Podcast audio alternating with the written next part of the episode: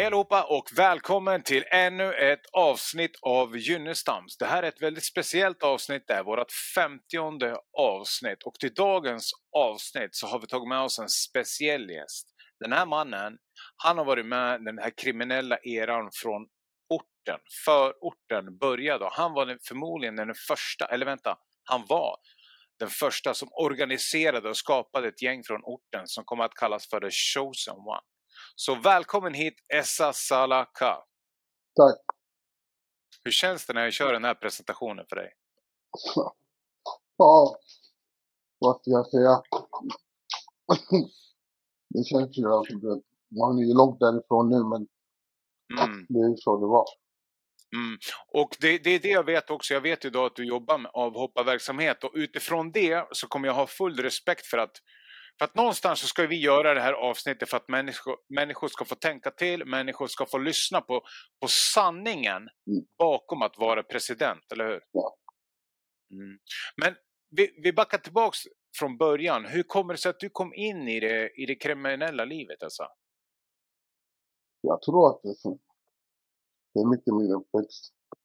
Mm. Om jag ska säga så. De förebilder som jag hade och så, det var ju många av mina morbröder som levde och sen många som man, som man såg upp till. Mm. Alltså den, från de förorterna där vi kommer var ju kriminellt. Och det kändes som att de fick den uppmärksamheten på grund av, på grund av det som de var. Mm. Mm. Okej. Men jag tänker, eh, för, för de som lyssnar nu, vart ifrån är du? Vilken förort pratar vi? Jag är uppväxt i Tensta och Rinkeby. Och sen i slutet Dalby.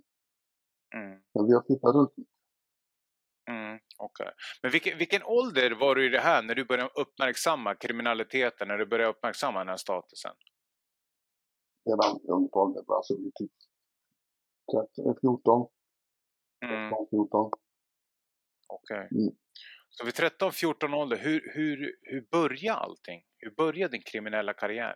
Ja, men det var ju, vi hängde runt i stan och slogs. Mm, Mm. Det var ju i Kungsan och kravallerna och som hände. mm, okej. Så du började med våldet? Ja, Mm. Och hur, hur gick det vidare sen? Hur accelererade den här kriminaliteten för dig?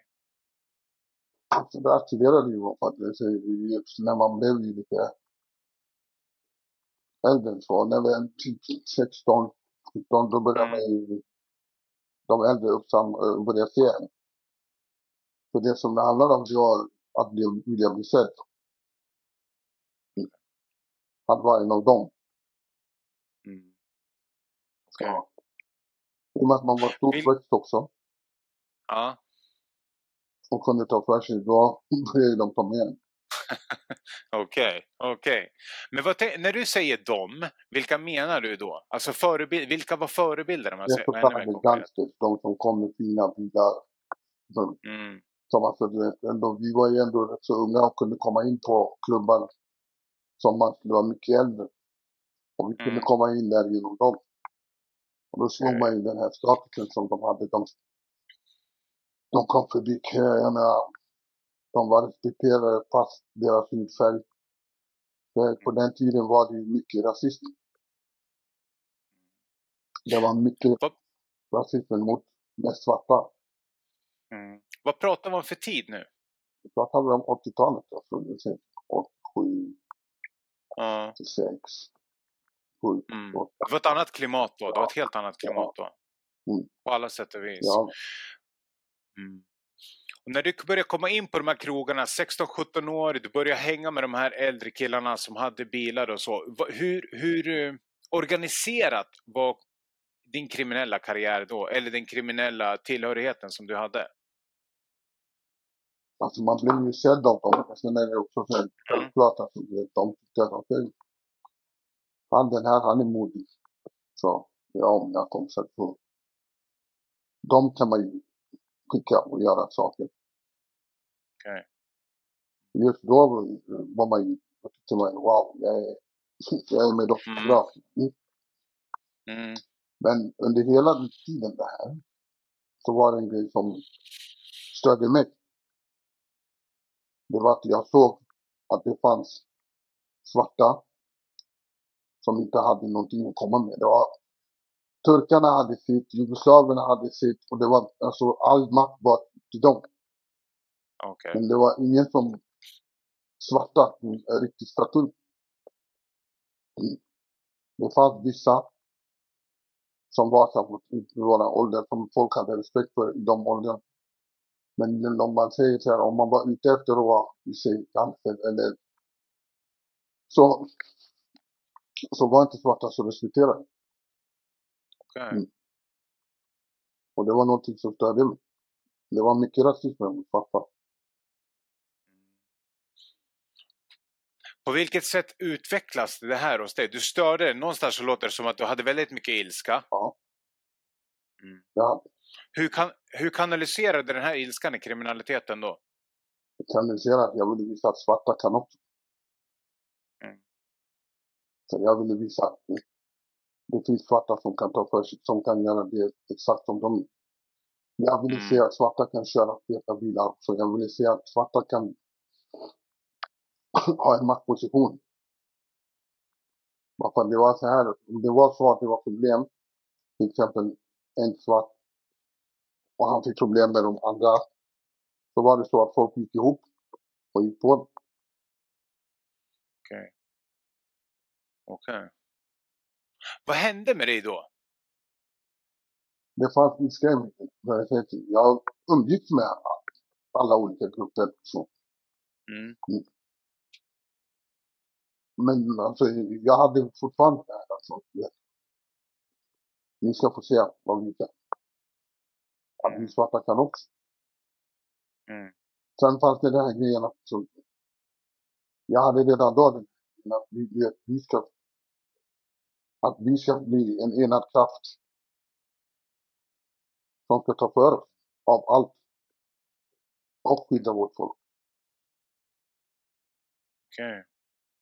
Det känns någonstans som att det här, för dig, det här, är, det här, det här blir mer än kriminalitet. Det här blir ju liksom en, en, en, det här är en ren rasfråga vad jag hör i alla fall.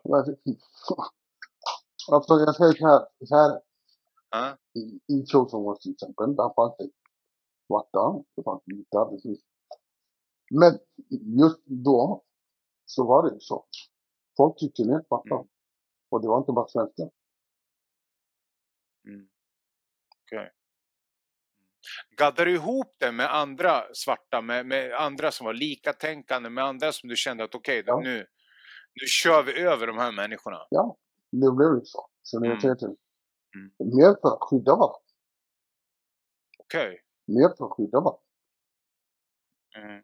För alltså, det handlar ju om alltså till exempel alltså att ta hand om sina egna. Mm. Om det händer mig någonting, då ska jag, för det var ju mycket våld. Mm. Mm. Mm. Och vilka, vilka, eh, var det här också vid 16-17 år du började tänka så här eller är, är du lite äldre här nu när det här Ja, tog fart? Vi började ju alltså redan den tiden i Kungsträdgården. Jag, till exempel, Rolle, kungen av Kungsan, den viktiga, inte Paulus. Vänta, det här lär vi köra ett sidospår. Rolle, det var kungen av Kungsan. Vem är Rolle? Rolle, Benke, en svart kille från Nigeria. Okej. Jaha, okej, okej. Intressant. Ja. Ja, Så vi eh, började hänga där ett tag. Då hade, ja, vi hade bland annat Acke, som var där också. Matto, Mm. Bolla, det var folk som kom från Tensta, olika områden mm, som samlades. Mm. Så vi var ju det här gänget och Kungsan-gänget mm. Som gick runt och åkte runt i stan och köpte till Mm. och härjade. Men där hittade man andra svarta som man såg upp till. Okej. Så det blev, alltså vad, vad var... jag tänker så här, när ni hängde runt i, i, i Kungsträdgården här, det var mycket våld. Det var mycket Ja. våld. Vad jag förstår, eller? Ja. Och sen liksom, hade du någon agenda om att okej, vi ska plocka de här, vi ska headhunta andra svarta, andra starka krafter och, och mobilisera er? Det blev ju så. Alltså, jag, hade ju den här tanken. Jag har alltid funnits. Mm. Sen tycker Mm. jag, tror jag att det fanns, det, jag var nog inte unik i det tänkandet. Det, var, det fanns nog andra som, bara för att svarta Mm. kände sig utanför. Mm. Det var mycket att folk gaddade ihop sig. Mm. Så då tänkte du att vi ska också gadda ihop Ja. Vi ska också, vi ska också bli någonting på det. Men vi vill också ha respekt Mm. i den Mm. världen. Mm. Mm. Mm. Men när, när, när, det här är begynnelsen till The Chosen One, det här tankesättet vad jag hör. Eh, när, hur lång tid tog det innan du startade Chosen Ones efter det här? Det tog lång tid. Det tog lång tid. Alltså, Ja, jag, sökte, jag startade, vi startade Ones alltså 98. mm, Ja. 98. Okej. Men jag säger fortfarande, vi, många av oss var respekterade i olika områden. Vi jobbar ju allihopa med olika människor. Olika gäng. och Så. Mm. Men det där vi samlade ihop oss. Alltså, vet, vi började, okej, nu ska vi bilda det här. Ja. mm, Och vi ska ta över dörrar. ja. Vi ska vara en maktfaktor. mm, mm. Och hur gick det till när ni liksom, eh, när ni skapar Chosen Ones? Om vi säger, när man organiserar sig själv, det spelar ingen roll om det är företag eller en kriminell organisation. Du, du blev presidenten, du blev ledarna. Hur såg eran struktur ut? Förstår du? Hade ni soldater? Hade ni vice? Hade Jag hade ni... vice, Mm, jag var fick jag vicepresident. Jag Ja. Ja, mm, sen är det soldater. mm, Men det finns presidenter i olika städer. Det fanns ju, ja, det fanns olika städer. okej. Okej. Och när, du, och när du säger så här, äh, vi ska bli en maktfaktor, vi ska vara med och räkna med. Du pratar om att ta över dörrar, du pratar om hur, hur gick det här till? Alltså hur, hur, hur- gick ni tillväga i början? Ja, det är ingenting som kommer gratis. Så det fanns ju redan folk som där. Det är Mm. just det här med dörrar, kunde ha varit så det. Svarta kunde gå till krogar och så kunde folk stå där. De stod där i dörren och säga din apa, du kommer inte in här. Eller du vet, Okej. han står finklädd, precis som någon annan, till och med bättre klädd än någon annan gör. Och så kommer de och så blir de nekade Mm. på grund av deras hudfärg. Mm. Ja. Mm. Så det fanns ett arv där att de här som kan stå och neka oss, vi ska ta över de här dörrarna för dem igen. Okej. Okej. Okej. Så vad hände då? då? ja, det blev en konflikt mellan olika gäng och så.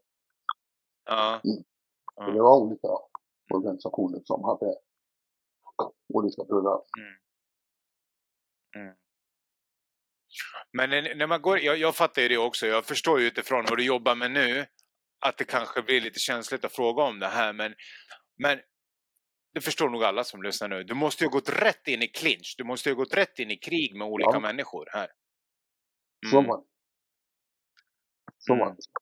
Och vad, hände, i- och vad hände i de här krigen? Kan du berätta lite utan att nämna någon namn eller Ja. detaljer om Nej, men det blev ju så här. Många av de här olika, jag kan säga till många av de här olika gängen, det var fanns juggarna, det fanns i olika motorcykelgäng och många av dem såg Mm.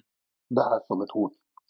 Många av dem sa Mm. de här svarta, alltså vi får inte låta dem komma fram. För om de kommer fram kommer det knas. Okej. Så, mm. Mm. För de här Mm. personerna som vi som kom, det var folk att räkna med som hade våldskapital som kunde göra något. Mm. Så de såg ju att det fanns styrka. Så. Det hände ju lite incidenter som gjorde så att vi fick upp vårt namn. Vi blev någonting att räkna med väldigt snabbt. Både i Mm. motorcykelvärlden och den undervärlden. Ja, Mm. så Mm. Mm. En, en fråga jag har nu, nu blir det här en fotnot, okej? Om man kollar på Wikipedia och så, och, så går, och så skriver du in the show Ja. ones så står det att det är ett gäng skapat av Ja. dig då som stod väldigt nära Hells Angels. Är det sant eller falskt? det beror på frågar. Ja, det var nära. Ja, Okej, ja, okej, men då stämmer det. Ja. Och eh, blev det så att ni, när ni, alli, att ni allierade er med vissa gäng och med vissa blev det bara vänta, här, de här kör vi bara över? Ja, så är det med, med alla. Ja. ja. Mm. Och hur gick det till? Vilka var ni allierad med och vilka var ni, vilka var ni i krig med? Alltså, jag säger, vi hamnade i krig. Alltså, man hade, det var ju annorlunda. Mm. Man hamnade i krig. Alltså, det var Ja. konflikt med ett gäng. Men då var det ju så här, Mm. till exempel, ja, jag var någon som alla kände. Då gick man och mötte varandra. Mm. Och sen pratade man ut och sen liksom löste man. Eller så kunde Ja. det bli på ett annat sätt också. Det, det. Ja. Mm. Och det är väldigt annorlunda nu. Om vi drar, om vi drar för grejen är att det här handlar ju om då. Och så, handlar, och så flyttar vi framtiden nu. För när jag säger krig nu till, till hur det såg ut då i Mm. Sverige så var det ju väldigt Ja. annorlunda, eller hur? Det var ju typ, folk, folk dog. Det precis- Det ja. var ju krig. Så det var liksom gäng, Mm. motorcykelgäng som hade krig med varandra och, och, så. Men Mm. det, det var ju annorlunda. Så folk, Mm. hur ska jag säga, hade mer det fanns mer den här respekten för varandra. Okej, om jag var ute efter dig, då är jag ute efter dig. Då kan jag stå och Mm. vänta på dig. Så jag blandar inte in folk som är anhöriga också. Mm. Det är inget, det är inget våld som är bra. Det är det- Där jag står nu, det är det jag kan säga. Men det Mm. var ju annorlunda. Man ska inte rättfärdiga på saker. Det som är det, det kan jag Mm. säga är att kriminalitet överhuvudtaget, det är en illusion. Mm. Det är en illusion av en värld. Det är en illusion av gemenskap. Det är en illusion av, alltså, det som man tror, alltså är det som är, alltså det som är det viktiga. När du lever i det Mm. så är det bara det som finns. Bara för att då är det de spelreglerna du följer. Mm. Och, och när, när kom du, för, för, det, för det är det här som är det viktiga egentligen, sanningen bakom allting. När kom du i kontakt med att, vi, vi spolar framtiden nu, för det är ändå Mm. det du gör här. Och jag tänker, Chosen Ones blev en kraft att räkna med. Det vet alla som har levt tillräckligt länge, speciellt i Stockholmsområdet. Ni hamnade i clinch, eh, ni tog för er, ni råkade ut för saker, ni var med om grejer. När kom du i kontakt med att det här är en illusion? När det du säger, när kom du i kontakt med det här? Alltså under den här tiden som jag fick det, så är det mycket saker som har hänt i mitt liv. Jag levde det livet. Och jag var tvungen att fortsätta. Folk kom och de gick. Folk dog. Och alla de här grejerna, det påverkade. Och många gånger så jag mådde dåligt. Men jag är den som är grunden till det här. För jag kände, jag har satt ribban. Jag har satt ribban i hur hårda vi ska vara. Jag har satt ribban i hur, hur saker och ting ska vara. Så jag har ett ansvar att jag måste fortsätta. Även om det gäller så. Att, vad det handlar om, en av våra största regler, var att säga, det här kommer före din familj. Det här kommer före Okej. till och med mina barn. Det är så sjukt det är. Mm. Och jag hamnade till exempel under den här tiden när vi är som störst. Så hamnade jag i, nu efteråt som en depression. Okej. Där jag blev så här, typ, för vad? Jag försummade mina barn. Jag försummade deras mamma. Jag har alltid haft min familj, mina syskon och sådär. Mm, Men ändå, man tappar ju sig själv. Det var för att jag säger dig, du lever ju i den här illusionen att ja, det här är det som är för det är vi som är bröder. Okej. Många av de här, jag ska inte säga, det är fortfarande mina bröder.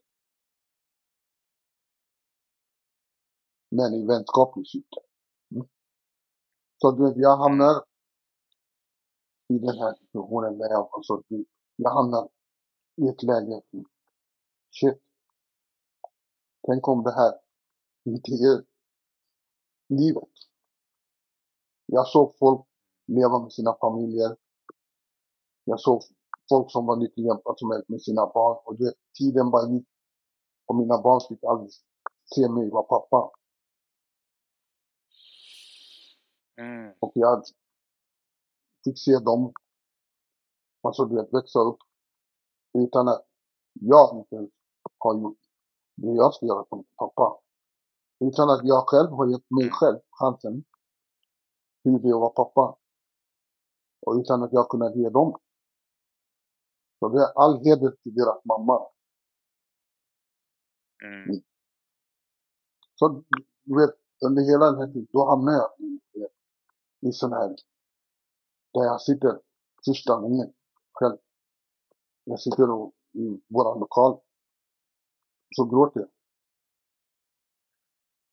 Så Okej. kommer en och då blir det så här, jag blir så här. Varför? Hur kunde det bli så här? Så kommer en av mina killar ser mig. Och det första han säger, han bara, nej, inte du. Jag säger, "Vad- vadå? Han, "Nej, men du kan inte sitta här och gråta, inte du. Om du gör det, vad fan, vad händer med oss? Ja, Okej, ja. Och det jag säger, då blev det så här bara, oh shit, han har rätt. Det är sant. Ja, jag kan inte vara den som alltså byter ihop. Det här är det som. Nej. Och då kommer den här gemenskapen, de var med mig och, och jag säger, fick upp det här tillbaka. Mm. Vad menar du med fick upp det här tillbaks? Så att alla som lyssnar förstår. Okej, hej, lyssna på mig. Ska kliva upp på hästen igen. Kan Mm. inte bli svag. Du kan inte bryta ihop nu. Mm. Det här är på riktigt. Det här är Mm. vi. Okej. Mm. Yes. Så du vet, hela grejen i slutändan, egentligen det var för att hjälpa varandra, för att skydda varandra. Men så kommer kriminaliteten Mm. i bilden också. Mm.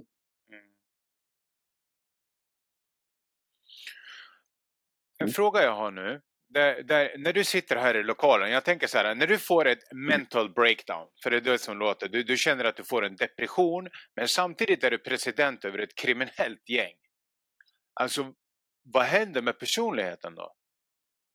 Det är det som är med personligheten alltså, som jag är. Det leva i förnekelse. Det är lättare att gå in i det destruktiva. För jag ser så långt Mm. ifrån att jag ska lyckas och få tillbaka min relation med mina barn. Som är det viktigaste. Eller Mm. deras mamma. Eller överhuvudtaget det här familjelivet. Vilket jag någonstans Mm.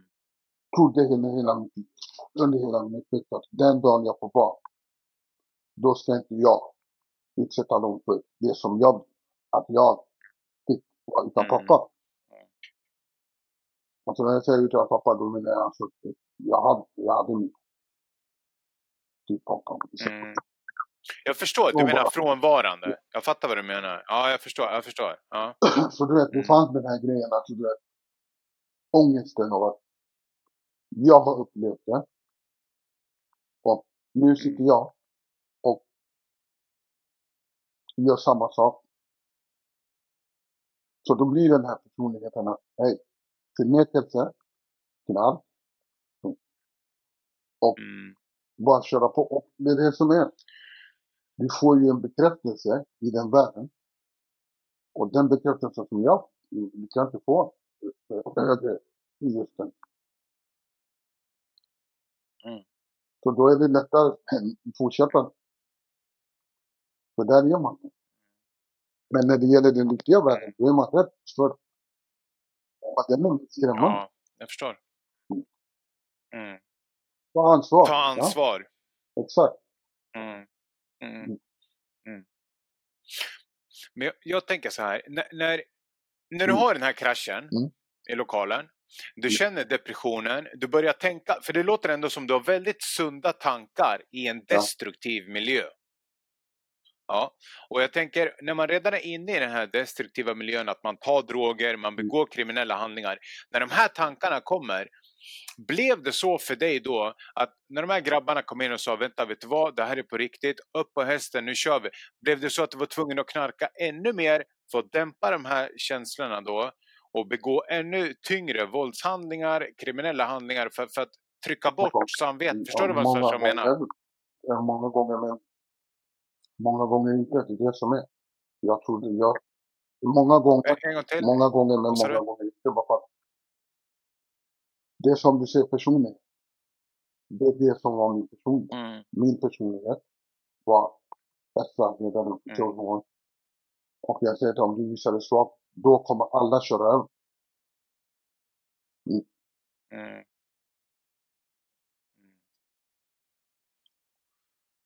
Kände du någonstans här att, att du bara ville göra så här? Och ta bort allting? Backa tillbaks bandet, börja om livet? Kände du att du hade gått för långt in i skogen med andra ord? Ja, mycket det hade, det, mycket när det, när knarket kom in. Mycket.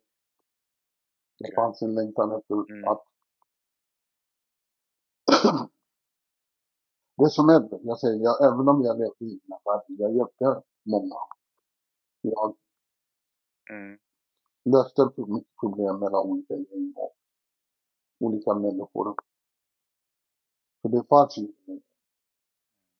den här, godheten, den här godheten att inte vilja att folk skadade och så. Ja. Men det fanns ju den här, alltså Mm. du vet att längtan efter att, du vet, kunna, det var min längtan, det var att kunna leva med mina barn. Så. Överhuvudtaget att vara pappa. Mm. Och nu tackar Gud. Det är aldrig för sent. Tackar Gud. Det är aldrig för sent. Mm. När, okej, här. När du är på den här nivån av kriminalitet, här har du längtan till barnen. När tippade det här över? När, när tog längtan för barnen över? När kände du, vet du vad, jag, jag, jag lär lägga ner det här kriminella. Jag måste köra för mina barn. När hände det och vad var det som hände? Så, med den här positionen som jag har. Så är det så att Mm. folk har kommit och gått. Medlemmar har dött. Nära vänner har dött. Och det har spårat, det spårar ut mer och mer. Så folk börjar gå emot. Alltså, alltså folk börjar alltså, beckna varandra och såna här grejer. Alltså, du vet, folk börjar backstabba varandra. Och, och så du vet, jag började se saker så som jag. Och sen när jag, jag blev sjuk. Mm. När jag blev sjuk, jag fick blodförgiftning. Så jag låg åtta månader på sjukhus. Ja. Oj. Så när jag låg där. Så jag var inna, nära att dö. Så då låg jag där och så började jag tänka. Alltså du vet, då, det var första gången som jag fick kontakt med mina känslor. Jag har tid att reflektera över hur saker och ting egentligen ser ut. Jag vägde 228 kilo i övervikt. Ja, Oj, oj, oj. och låg där och plötsligt kan jag inte gå. På grund av att jag har blodförgiftning i höften, i ben. Så jag ligger mer eller mindre förlamad.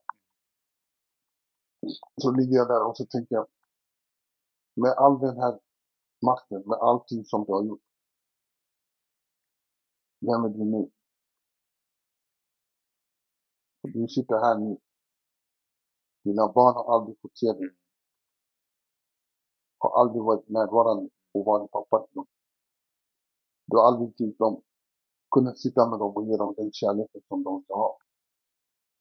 Du har aldrig fått känna känslan som det som du har längtat efter att göra. Är det det här som du vill lämna? Är det så här jag ska gå? Jag bad till Gud. Mm. Jag bad till Gud att ge mig chansen. Att jag ska göra någonting riktigt bra. Jag ska ändra mitt liv och jag ska göra något som kan hjälpa folk. Så mina barn kommer hälsa på mig. Vi pratar. Mina syskon kommer hälsa på mig. Och i den här tiden, alltså, vet du, jag inser alltså, vet, det finns ingen större makt än Gud. Alltså, det finns ingenting annat som spelar roll. Han ger och han tar.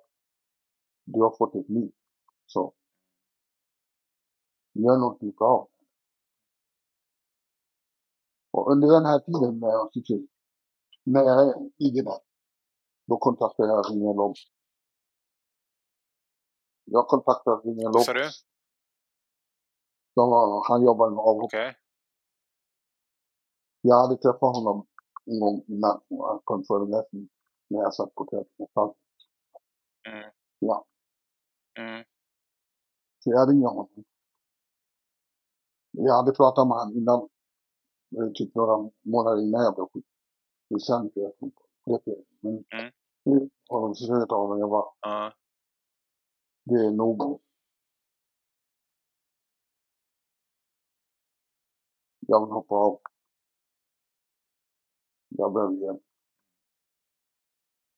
Men det är så här att alltså, just när folk har hoppat, jag hoppar av på grund av att jag inte av. Vi bara har hjälp att ändra mina kriminella tankemönster. Jag vill ha hjälp om hur det ska, hur det kommer att komma tillbaks. sakta. Jag ville bort från Så de kom och hämtade mig från sjukhuset och tog in mig på ett avhopp- avhopparprogram som heter Project X. Mm. Som var mycket bra bara för att Mm. när folk hör avhoppare så är det så att en avhoppare, du kan komma i så många olika former. Du kan ha så Ja. mycket olika problem. Men det som var bra med just det här, det var att det, det var mer skräddarsytt. Jag, min största problem, det var min hälsa. Mm. Den hade gått helt åt helvete. Så det blev skräddarsytt efter min hälsa och kriminella tankemönster jobbar man med. Och jag fick träffa klientcoacher regelbundet. Och under den här tiden så är det mycket som händer. Jag ser det de gör. Jag hade många som hade klientcoacher som verkligen brann för det. Jag såg människor som, alltså det, jag ser som riktiga eldsjälar. Som, som, alltså du vet, de, de, de, fanns där för en. Mm. Det var, ja, ja. De jobbar mer ja. än lönen. Jag förstår. Ja. Ja. Och eh, sen när jag under hela tiden där, när jag är på avhopparverksamheten så börjar jag få mål att jag ska fan igenom dem. Det här är jag vill jobba med. Ja. Och jag tänka, jag Häftigt. bara, jag min historik och jag kan se saker hos folk som inte kan. Jag kan hjälpa Mm. många. Jag vill göra en Mm. förändring. Jag vill göra förändring. Jag ger en trygghet till folk och mina barn. För att det säger, samhället ska inte behöva rädda och gå ut och bli skjutna. Så avhopparprogram, avhopparverksamhet, det är en av Sveriges största räddningar, enligt mig. Där har du två sidor. av Det här är människor som kanske ska gå och titta. Eller någon som kanske ska gå och klippa någon.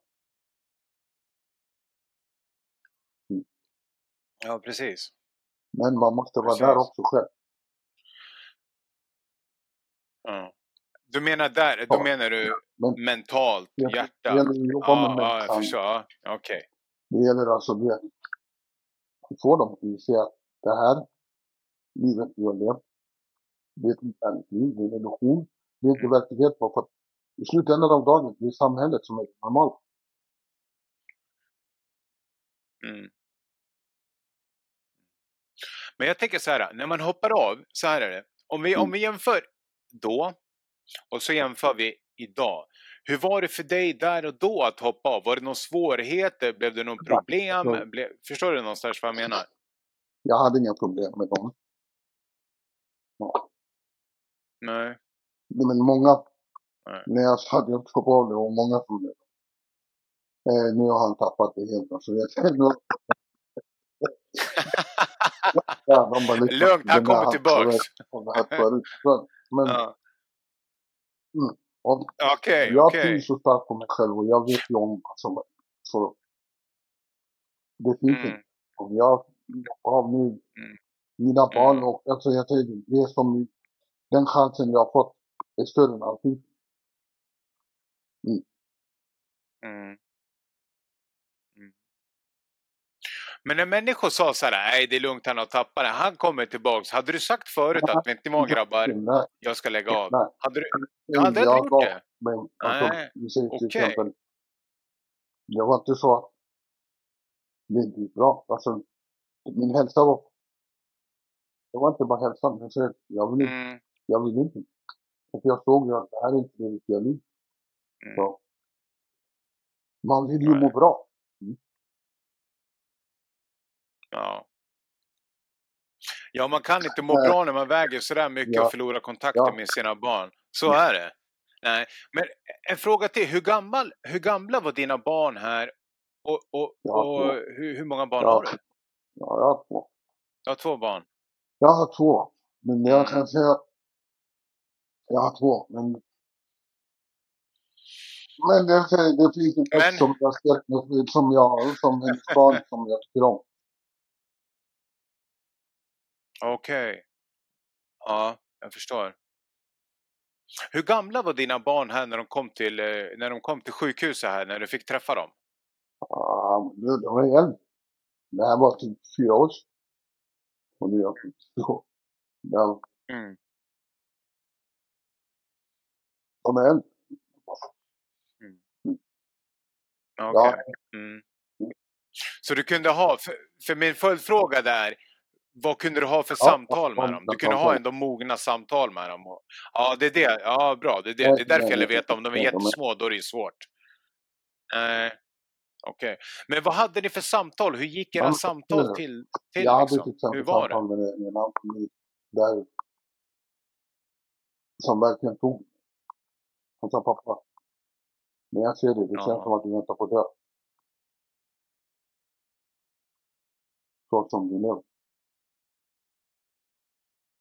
Mm. Och mycket det var så du vet, utan att vara medveten om det så fanns det kanske en sanning för bara för av skammen. Mm. För det är mycket skam. Ja.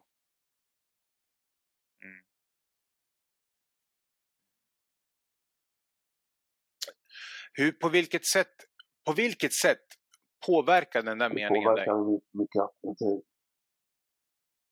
jag ville verkligen bara få chansen att visa dem att jag är en bra människa. Att jag är, jag är deras pappa. Att de förtjänar Mm. att känna det. Mm. Mm. Mm. Vet du vad, när jag lyssnar på dig nu, då så tänker jag så här, vad otroligt starkt ändå. Alltså Mm. om, du, om man har levt ett kriminellt liv och, och man liksom har gått in i allt med det här med brödraskap, med liksom gäng, med kom igen brorsan och allting. Men så kommer din, så kommer din son och han droppar en mening Ja. som får hela ditt liv att förändras. Ja. Det är ganska Men det, magiskt. det, det är stort. Du talar till honom. Mm. Jag är ju Mm. jag ber. Mm. Och så. Och det, Mm. det har hjälpt mig också. Mm. Man kan inte få mer Mm. svar än Gud. Det var därför jag fick svaret Nej. om jag skulle leva. Han har placerat mig exakt där jag ska vara, så jag kan hjälpa människor. Och visa dem att det där är ett mörker, och det finns ett ljus. Och du kan vara en del av. Mm. Allah är stor. Mm. Mm. Och, sen, och sen kom du i kontakt med, jag tänker Mm. så här, du hade kriminella förebilder när du var yngre och, och du hade även farbröder som du säger. Och sen så kom du in i avhopparverksamheten och idag jobbar du med... På samma projekt. Men exakt på dem, där jag började på projektet. ja, cirkeln Mm. blir hel, det är någonstans det jag tänker. Mm. Jag tänker så här, nu har vi suttit och pratat i, i, i cirka 40 minuter och allting här. När du, när du pratar om det här, för du har ju väldigt mycket distans till, till mörkret idag. Jag, jag vet ju att du Mm. lever, lever i ljuset idag. okej? Vad, vad, vad tänker du liksom, när, när du pratar om den där människan du var där och då? Vad tänker du om det just nu? Alltså jag säger, jag tänker det är så långt ifrån. Det jag tänker är att jag har inte tid att Mm. ångra. Bara för att jag har levt långt Nej. Jag ser framåt. Mm. Hur jag ska hjälpa människor. Och hur jag ska må bättre. Mm, bra. Hur jag ska kunna arbeta för att kunna göra det bättre för folk. Och hur, vi kan hjälpa folk Mm, och se dem. mm. Mm. Fantastiskt. Fantastiskt. Okej, ja men underbart. Alltså Essa, det har varit fantastiskt att ha med dig här i podden. Det måste jag säga. Jag åker ju med på hela det här. Jag åker med på hela storyn, på Ja. hela livs, li- livstråden här. Och vad heter det? Jag är jätte, jättetacksam att du, ville, att du ville ställa upp här idag, att du ville Mm. dela med dig av en känslomässig historia. Och att du var så stark att du verkligen kan säga att det där är ett mörker och att det även kan vara så stor att du kan säga att jag grät på den tiden. För både du och jag vet att alla, alla, alla fäller tårar förr eller senare. Det spelar ingen roll om man lever i den Det är världen många som sitter när de är ensamma. Mm. Alltså det är ju, det är ju mycket ångest. Och det är det som är när man kommer, Mm. när man får tiden att sitta och gå igenom sina känslor. Så är det ju mycket som kommer. Mm. Det är därför är det viktigt att Mm. de människor som är runt omkring dig, om du säger till exempel att du bestämmer för att av, att de vet hur de ska jobba med. Att de vet Mm. hur de kan leda dig till det bra. Och sen ska du vara mottaglig för det. Mm. Jag tycker att det är ett mycket bra jobb som alla som är delaktiga i, som du till exempel, sådana som jobbar med det här, som jobbar emot alltså det här med våldet, som jobbar emot, Mm. så hur man kan hjälpa människor, det hjälper. Mm. Mm. Det är kul att kunna tillhöra. Mm. Tillhöra förändringen, eller hur? Istället för något annat. Ja. Men om vi säger så här nu. Vi ska avsluta med, med att du får säga vad skulle du vilja säga till de här människorna som lever kriminellt idag? att kriminalitet är ingenting som kommer leda till någonting bra. Det är bättre att göra någonting bra av sitt liv istället. Det är destruktivt liv. Om det var det normala, då skulle hela samhället försvinna. Poäng. Stabilt. Okej Esa, jag ska släppa det just nu. Men eh, till alla er som har lyssnat på det här, kommentera, gilla, dela. Essa kommer svara på frågor i kommentarsfältet om det kommer. Och så hörs vi. Ha det gött allihopa.